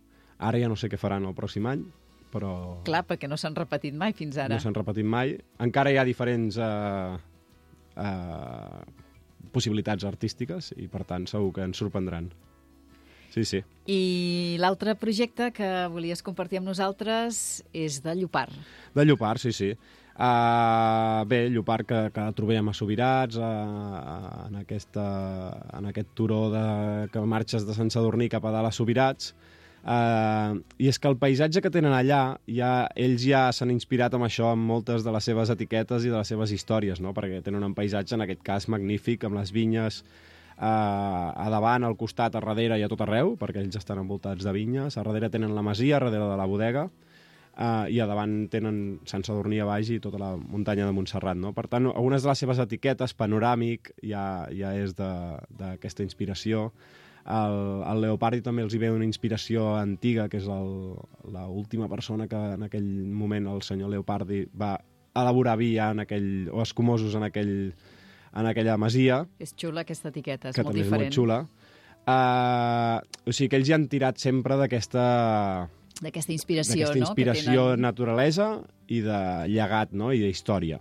I en aquest cas doncs, és un altre homenatge en aquest xic claríssim al, al, a la seva història, en aquest cas doncs, potser més recent, que serien els pares, no? el Pere i la Jacinta, que el Pere doncs, a, doncs, a, ens va deixar ara fa un any i pico, ara no, no, no sé exactament, fa poc, uh, la mare encara és viva, Uh, però ha sigut el moment, just ara, que han tret una anyada, que més eh, és una anyada que fa molt temps que la van a darrere de, de, de quan la trauran. En aquell moment no estava pensada, evidentment, per, perquè sigui aquest vi, o aquest escumós, aquest corpinat en aquest cas, i bueno, uh, aquest 2021, que definitivament doncs, han decidit treure al mercat perquè estaven en les òptimes condicions, doncs, s'han pogut inspirar en, en, en realment... Es diu llegat familiar. O sigui, que, que, bà- bàsicament ja crec que ho diu pràcticament tot i l'etiqueta ja posa homenatge a, als nostres pares, la Jacinta i el Pere. Això és la, el que posa l'etiqueta. Un xarelo del 2007. Per tant, 2007. Per tant, 13, quasi 14 anys de, de criança. Evidentment, quan el van crear no sabien com es diria aquest vi, ni, ni quan Ni- el van començar a elaborar. sortiria, no? Ni quan sortiria. Pues ara el moment i ha coincidit pues, amb, amb que han volgut retre homenatge pues, a, sobretot per, aquesta, per aquest fet no? de, la, de la mort del Pere. I, i no només és un homenatge a, a, als pares, a, per part dels cinc germans, que per cert vaig estar allà, hi havia els cinc germans eh, explicant-nos tota aquesta història, no? tot el recorregut, uh, sinó només a, no només amb, ells dos, sinó a, a, pues, amb la seva de, de, de, dedicació. No? Al final van ser els que van impulsar Llopart, o els que van posar Llopart una mica més en el món, no? Uh, per tant, la seva dedicació, el seu treball, tota la seva, tota la seva feina. Um, D'on surt aquest xarelo? Pues surt d'una vinya que just està a darrere de la bodega i tocant a la masia seva, que és una vinya que es diu la vinya del Paulino, que també té una història, i és que el Paulino Ai, va ser explica'ns qui és el Paulino. va ser l'últim masover que hi va viure a la masia, que ara no, no hi viu ningú, a la masia de sobre de, de la bodega, doncs el Paulino era aquest, l'últim masover. I és una vinya que està tan a prop de la masia, els germans, els més grans dels Llopart, doncs cada estiu que pujaven, que sempre ens expliquen que ells pujaven de Sant Sadurní a, a dalt a la Masia de vacances, de, a l'estiu. Que- que Estiuejar. Estiuejar a, a, a, dalt a la Masia, exacte. de l'escola, no? Pues jugaven a la vinya del Paulino, que és la més pròxima a la, a la Masia. I d'aquí, d'aquest xarelo, eh, pues, eh, aquesta anyada tan vella i, eh, i amb tot l'entorn que els envolten, que l'etiqueta també és molt bonica, pues, treuen aquest llegat familiar. Com és aquesta etiqueta? És una S'assembla etiqueta- a les de Llopart? Mm, sí, s'assembla a les de Llopart, el que passa que posen molt en gran, eh, mira, jo aquí la tinc, després la veuràs, eh, llegat familiar, eh, homenatge eh, al Pere i la Jacinta, i a sota com una, una espècie, aquesta espècie també que ja tenen en totes les etiquetes, que sembla com unes vinyes amb puntets i, i una mica el paisatge que hi ha, que, hi ha, que, els, que ells han rebut, no? que és el seu, el, el seu, la seva herència, el, el Llegat. seu llegat. Sí, sí. Uh, bueno, com a escumós, uh, pues, tampoc em vull estendre molt, però extraordinari em va semblar. Explica, explica, sí. Uh, evidentment, com no pot ser d'una altra manera, un 2007 amb una bombolla molt fina, uh, però sorprenentment fresc, que aquí està una de les grandeses d'aquestes grans anyades. Eh? Quan algú treu una anyada tan vella és perquè diu uh, aquí encara hi ha, hi ha moltes coses a explicar, no? I com marides, com tastes una anyada d'aquestes amb més de 10 anys? Només veus o la pots acompanyar o és un sacrilegi? No, no és un sacrilegi, no, no, no. no. A veure, jo aquell dia, nos, nosaltres al principi només vam tastar-la perquè dius, això, això ho hem de tastar sol, ara mateix, no? Després ja ho maridarem, però ara d'entrada s'ha de tastar sol. Per donar-te compte justament d'això, no? de que després de 13-14 anys eh, continua mantenint, mantenint la fruita, que és una fruita blanca, potser una miqueta més madura, això sí, les notes de criança, sí, però la frescor. És que això era algo que és algo sorprenent. I, i per trobar això, pues, potser necessites al principi d'estar-ho sol. Després, que tens moltes possibilitats de maridar-ho? Sí. Però d'entrada jo, si algú la pot comprar, i dic pot comprar o, o vol... perquè em sembla que el preu estarà Pica, sobre no? els 125 euros, el que ens van, la referència que ens van donar. Per- Però si te la regalen, si, Si te la regalen, compres, si la pots o comprar, aquesta, o- o... una anyada d'aquestes característiques, o una recomanes anyada d'aquestes característiques. Home, primer sí, per saber realment si després de 13-14 anys continua aquesta frescor, aquesta bona acidesa, aquest punt inclús cítric també encara. Uh, evidentment hi haurà notes de criança, notes més madures, però uh, si podeu detectar aquesta frescor és que estem davant d'una gran d'una gran anyada, no? que després de tants anys pugui estar així, doncs, uh, bueno, uh, diu molt. És un petit miracle. Exacte, sí, sí. I, bueno, el xarel·lo ja està preparat, eh, per aguantar, que no ho sabíem i ara resulta que sí que ho sabem, no? I, i, i bueno, per tant, doncs, eh, és un vi que, un corpinat en aquest cas, un escumós que, ja us dic, eh, després també no us espereu una bombolla molt gran perquè la bombolla ha de ser fina, ha de ser molt elegant en boca, un puntet amargós al final, que sí que tindrem possibilitats de maridar-lo, però proveu-lo sol primer per, per sorprendre-us aquesta, sobretot d'aquesta frescor.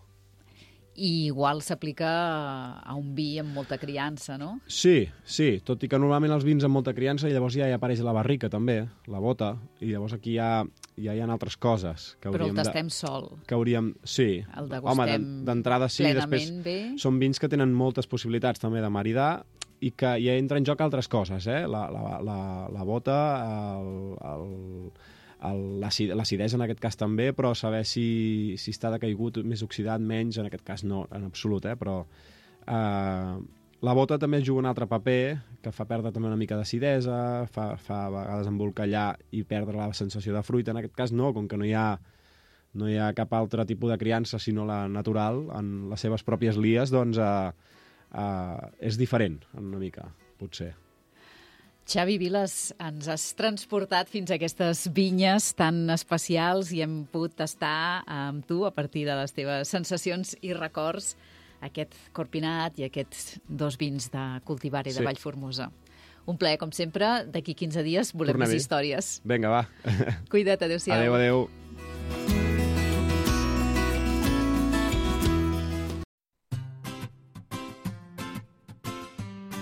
Penedès cap de setmana, amb Clara Bosch.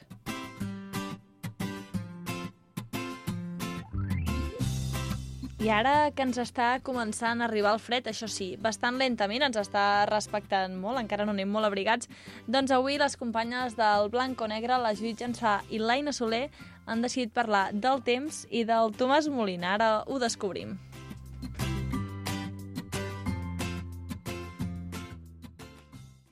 Sabies que el sumum d'un meteoròleg és no tenir temps? Això és blanc o negre i avui us parlarem del temps.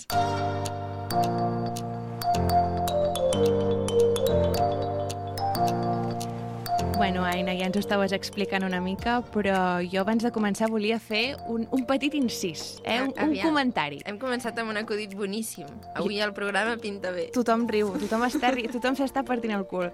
Jo volia fer un petit comentari i és, i és els temes de conversa que tenim quan estem a l'ascensor. És a dir, tu un dia t'aixeques pel matí, et poses el look que puguis, eh? és una mica espavilat, és una cueta, el pijama, el que faci falta, i baixes per l'ascensor a tirar la brossa, per exemple. I et trobes el típic veí, el tip, la típica veïna. Què passa? Um, hem de donar-li conversa amb aquesta persona. Sí. Eh? És un moment, són 10 o 20 segons, depèn de quin pis vagis, que de vegades es foten llargs. I què fas? Comentes el temps. Comentes el temps. Ostres, quin sol que fa avui. O, ostres, avui, avui pinta malament la cosa i l'altre diu, sí, ja fa dies que últimament això no, no ho tirem endavant, fa molts núvols, això abans no era així... Bueno, Converses maques. converses tontes d'aquestes, no? I Que al tant. final sembla que no, però se'n parla poc de que els ascensors surt el tema del temps sempre. Sí, mira que no hi ha finestra, eh? Però no Mira, sé per què. ho intueixes. Eh? Sí, sí.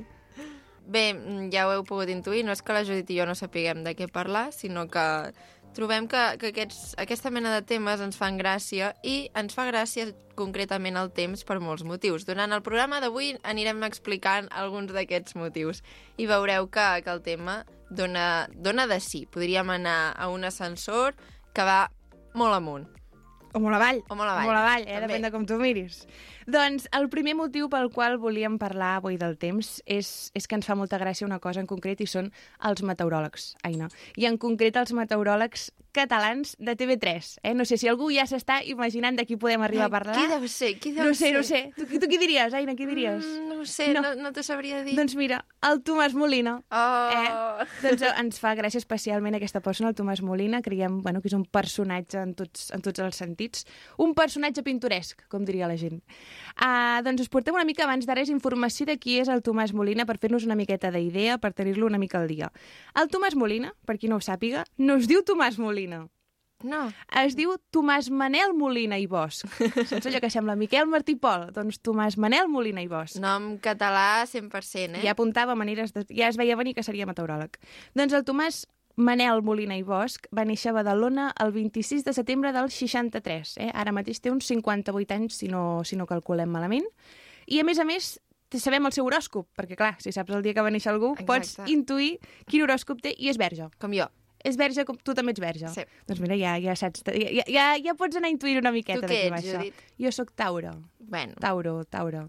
Es veu que tinc fama de, de tossuts. Veu Jo- els Tauros són tossuts. Jo perfeccionista. Tu ets perfeccionista. Sí, i el Tomàs també. I el Tomàs també, ja ho sabem. Doncs el Tomàs Molina no només es diu Tomàs Manel Molina i té 58 anys i és verge, sinó que, a més a més, doncs ja ho sabeu, és meteoròleg, presentador del Temps a TV3, però és que, a més a més, té una altra, una altra funció a la vida, eh? No només treballa d'això, és influencer. És una persona que influencia. Nosaltres ho hem decidit batejar com meteoinfluencer, eh? Sí. No acaba de fer cap de les dues coses, però fa les dues. Hi ha els influencers, els... no en sé més. No, no, jo tampoc, jo Doncs, tampoc. Però jo sé que, que el Molina és, és influencer, després explicarem una miqueta per què, però si ets meteoròleg i influencer, ets meteoinfluencer. Clar. Clar, juntes dues coses, és, és, Ja el que té, és el que té. doncs el Tomàs Molina, a més a més, està casat i té tres fills. Feliçment, feliçment casat, entenc, o no, no sé, no és Mm, cosa no nostra sap, tampoc, no però està sap. casat i té tres fills. Um, també volíem parlar... Això, això, això et volia dir. Ara, ara anem, ara anem. El Tomàs Molina és una persona calva. Ah, sí? No sé si t'has fixat mai, però té poc pèl, eh? no, no té un pèl massa abundant.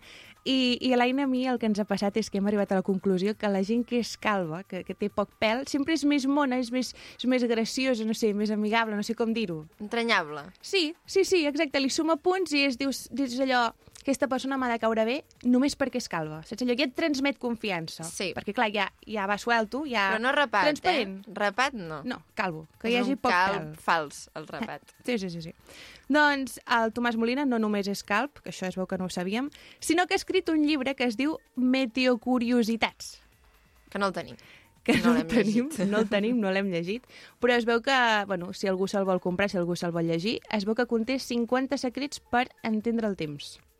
No sé. Està bé. No sé ben bé què deu explicar. Són molts, eh, 50 però secrets. 50 secrets, només que vagi un secret per pàgina ja dona. Ja Sí, dona. sí, sí, clar.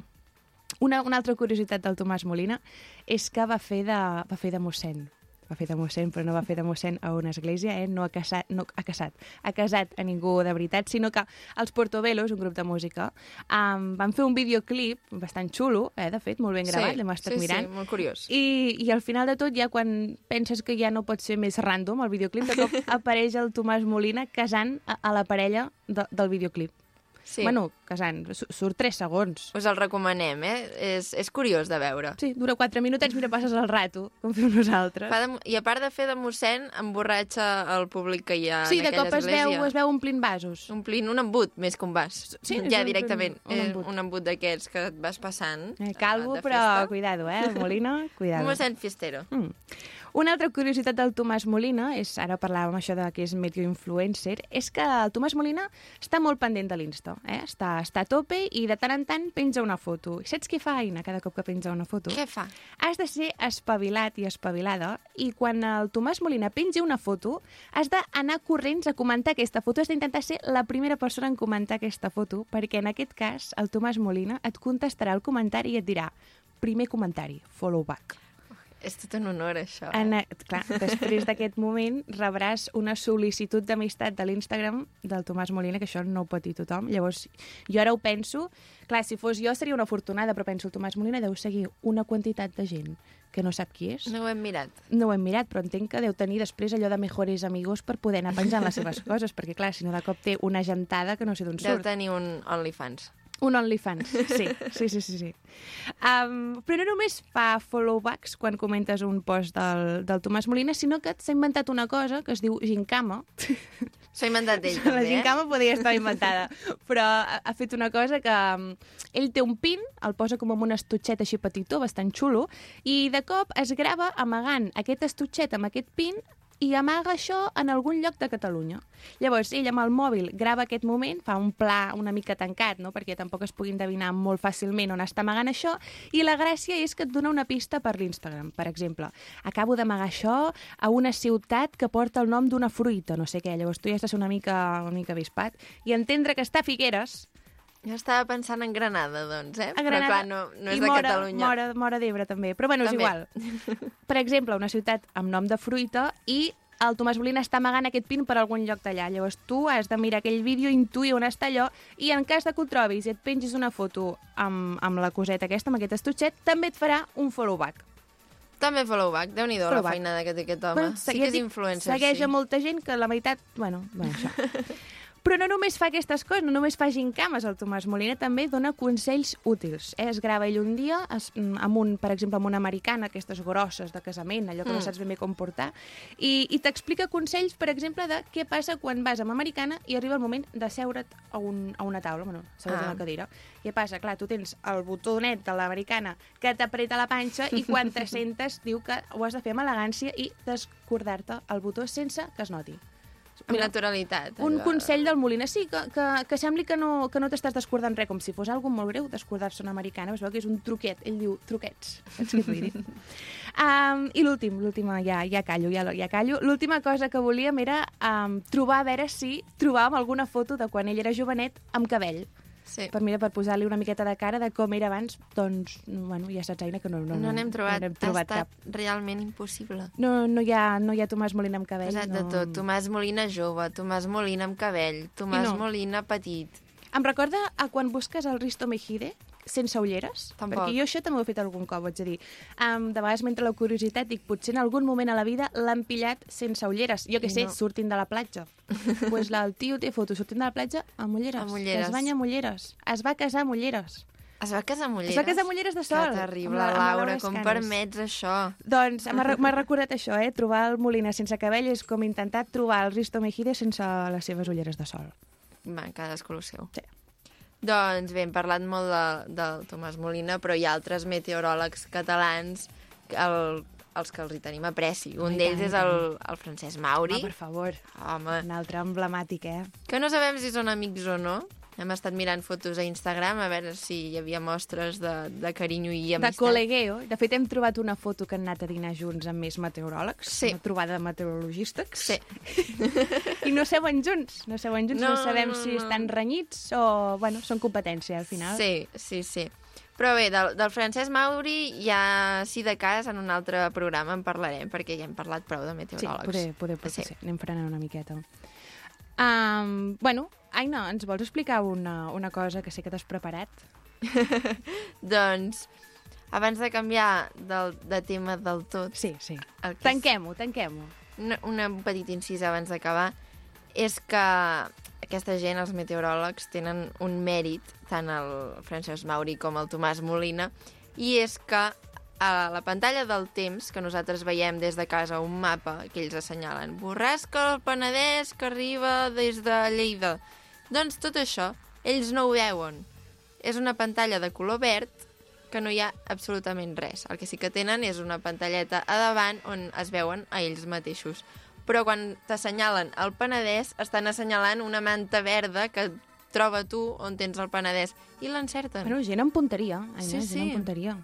De fet, de fet, el Moliner té tres fills. Punteria, al- algú havia de fer bé, aquest senyor. Algú havia de fer bé. Bueno, doncs, sabent això del croma, eh, sabent que, que el Moliner i el Mauri tenen molta punteria per Sí. poder assenyalar on està el La Penedès. Judit i jo diríem Penedès i senyalaríem la Vall d'Aran, però... Eh, Sí. O Figueres. Ves? Mira, ja li, ja li indiques al Molina cap on has d'anar. Bueno, doncs un altre motiu pel qual ens fa gràcia això del temps i parlar del temps són els refranys que es fan al voltant del temps. I no parlem dels típics refranys com, per exemple, pel maig cada dia un raig, o cel rogent, pluja o vent, o a l'abril cada gota val per mil, que per cert, això d'abril aigües mil, malo, malo, perquè jo ho he buscat i en català no és, no és abril aigües mil, això és una traducció mm, mal feta d'aquesta del castellà. sí. En català és a l'abril cada gota val per mil. És pitjor, no, doncs? Bueno, maco, queda més maco. Queda més, més, més refrany. Però bé, com no podia ser d'una altra manera, blanc o negre no ens quedem amb les coses senzilles i us hem portat refranys que probablement no hagueu sentit mai, però bé, que eh, d'una llista molt llarga que hem trobat, doncs aquests ens han fet una mica més de gràcia. Uh, atenció, boira de Salou, plourà si no plou. Bé, és que clar, jo anava a dir, anem- a comentar una mica aquests refranys, però que en general jo no sé qui s'inventa els refranys, no sé si en, un, el seu moment, en l'edat antiga, hi havia un senyor allà a la Grècia inspirat, allò, no? Salou, amb, un, Salou, amb un pergamí, com per pergamí es diu, aquells fulls tan... Un Sí, no? pergamí i una Sí. pluma, allò tot despentinat, intentant trobar-li sentit al, al temps. No sé, a mi els refranys en català en general, siguin de temps o no, em semblen bastant... Curiosos. Sí, més, Curiosos. deixem-ho així, deixem-ho així, bastant curiosos, perquè no tenen massa sentit. De fet, segueix, segueix. Sí, perquè... parlant de refranys sense sentit, al setembre, carbasses. Clar, al setembre carbasses, i tu ni diràs... rima ni res, aquí ja ens La rima on és? de res. No res, no res. Em diguis jo que sé, que celebres el Halloween i et dius el novembre carbasses, mira, encara t'ho Tampoc, puc arribar. Però és que tampoc. el setembre carbasses de què? Bé, i a l'hivern, Judit, diu, ni a l'hivern deixis la capa, ni a l'estiu la carbassa. Un altre cop carbasses. Torna-hi amb la carbassa. No sé què els hi passava amb les carbasses. Bueno, Però bé, n'hi ha per tothom, eh? Per carbasses i per mussols, que diu, el mussol pel febrer es menja un pa sencer. Que diu, si ets de Lleida, doncs potser sí que rima una mica, no? Eh. El mussol pel febrer es menja un pa sencer. Clar, o, sí, o, o llegeixes, perquè escrit poder sí que té sentit, no? Perquè febrer acaba amb, e, acabra, acaba amb Acabra. R, i sencer també acaba amb R, però clar, poder no van pensar que això el llegir en veu alta. No anava Clar, així. poder en van fer tants que no s'ho van llegir tot, i van dir, mira, ja, ja, ja anem bé així, No, no, ja queda que, maco. no crec que anessin gaire preocupats, No. perquè seguim, seguim. Aquest, uh, tenim el dubte de si és conegut o no.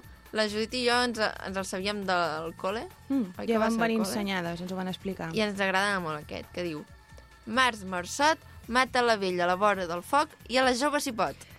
Clar. Matem a tothom. Clar, clar, també et dic, jo, bueno, no sé ben bé en quin context s'ha de dir aquest refrany, entenc que més o menys pel març, alguna cosa m'ho fa intuir, el març, Sí. però jo en quin moment, pregunto, eh, haig de dir un refrany tan llarg?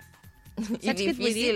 Perquè que tu diguis al setembre carbasses, mira, però tu imagina't que estàs en una conversa familiar amb un dinar i de cop tu fas un silenci sepulcral per anar a dir març, marçot, mata la vella, vora del foc i a la jove si pot. Sembla, sembla, no sé, sembla que vagis a fer una cançó. Bueno, saps? i a part del significat del refrany, que estem matant a tot Déu aquí. I entenc.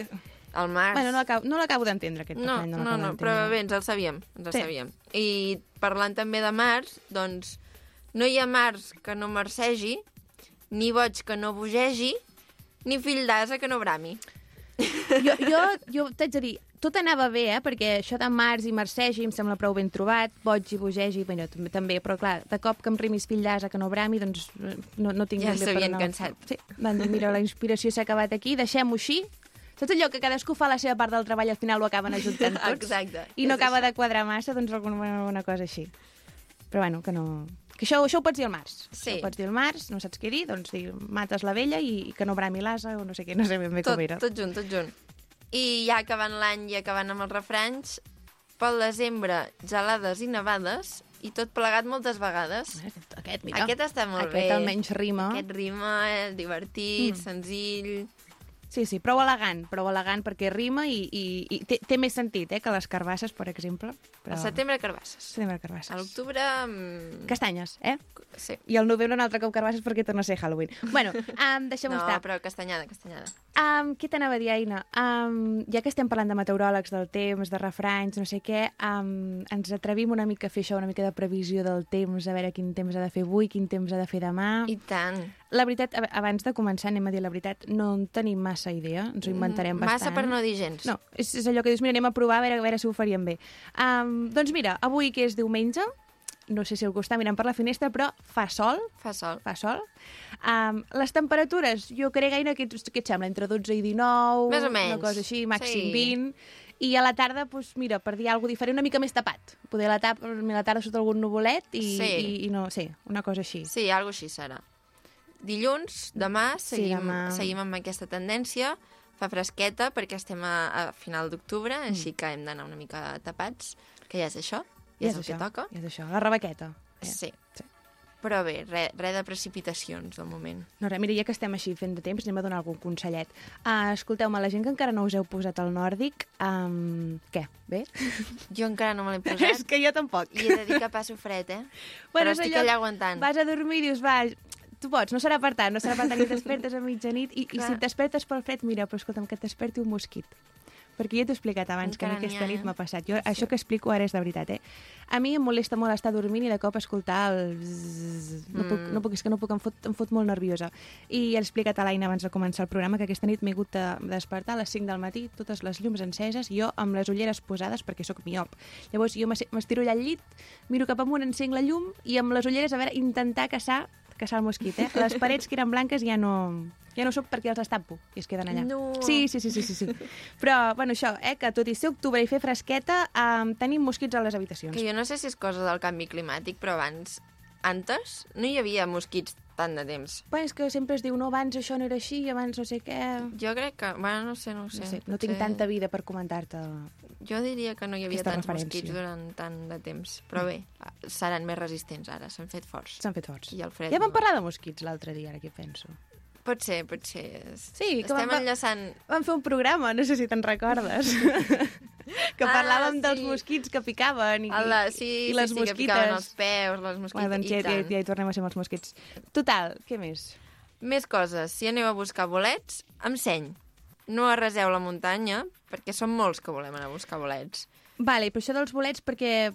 Quin Perquè toca ara, toca Ah, ara. perquè el temps d'ara és anar a buscar És- bolets. Esclar. sí. sí, sí, sí, sí, Ara sí. hi ha bolets. Bueno, i l'últim, va, l'últim, anem acabant això, perquè ja crec que ens estem inclús marxant del tema. Sí, la, bueno, estàvem fent una previsió del temps i hem acabat parlant I dels de... bolets, i espera't que ara ves que, que et diré ara. Que um, abans parlàvem de carbasses. Sí. Carbasses i Halloween, però bueno, escolta'm, ja que estem parlant d'això, um, per favor, no celebrem el Halloween, no ens, dis no ens disfressem de carbasses, fem panellets i mengem castanyes. Jo Aina, soc molt fan dels no, panellets. En des d'aquí fem una crida. Um, els catalans no haurien d'anar disfressats de carbasses. Bueno, no sé si els catalans es disfressen de carbasses. Mm, no però sé. fem una mica d'honor eh, a la castanyada i als panellets. I els moniatos, Exacte. que Mira, també ara, estan molt bons. ara al Zara venen ja ho he vist, disfressos. ja ho he vist, que ara el Zara... Bueno, sí. Sí. Bueno. Doncs no els compreu, no, els No, compreu. si no hi ha un panellet, si no us disfresseu de panellet, no us podeu disfressar.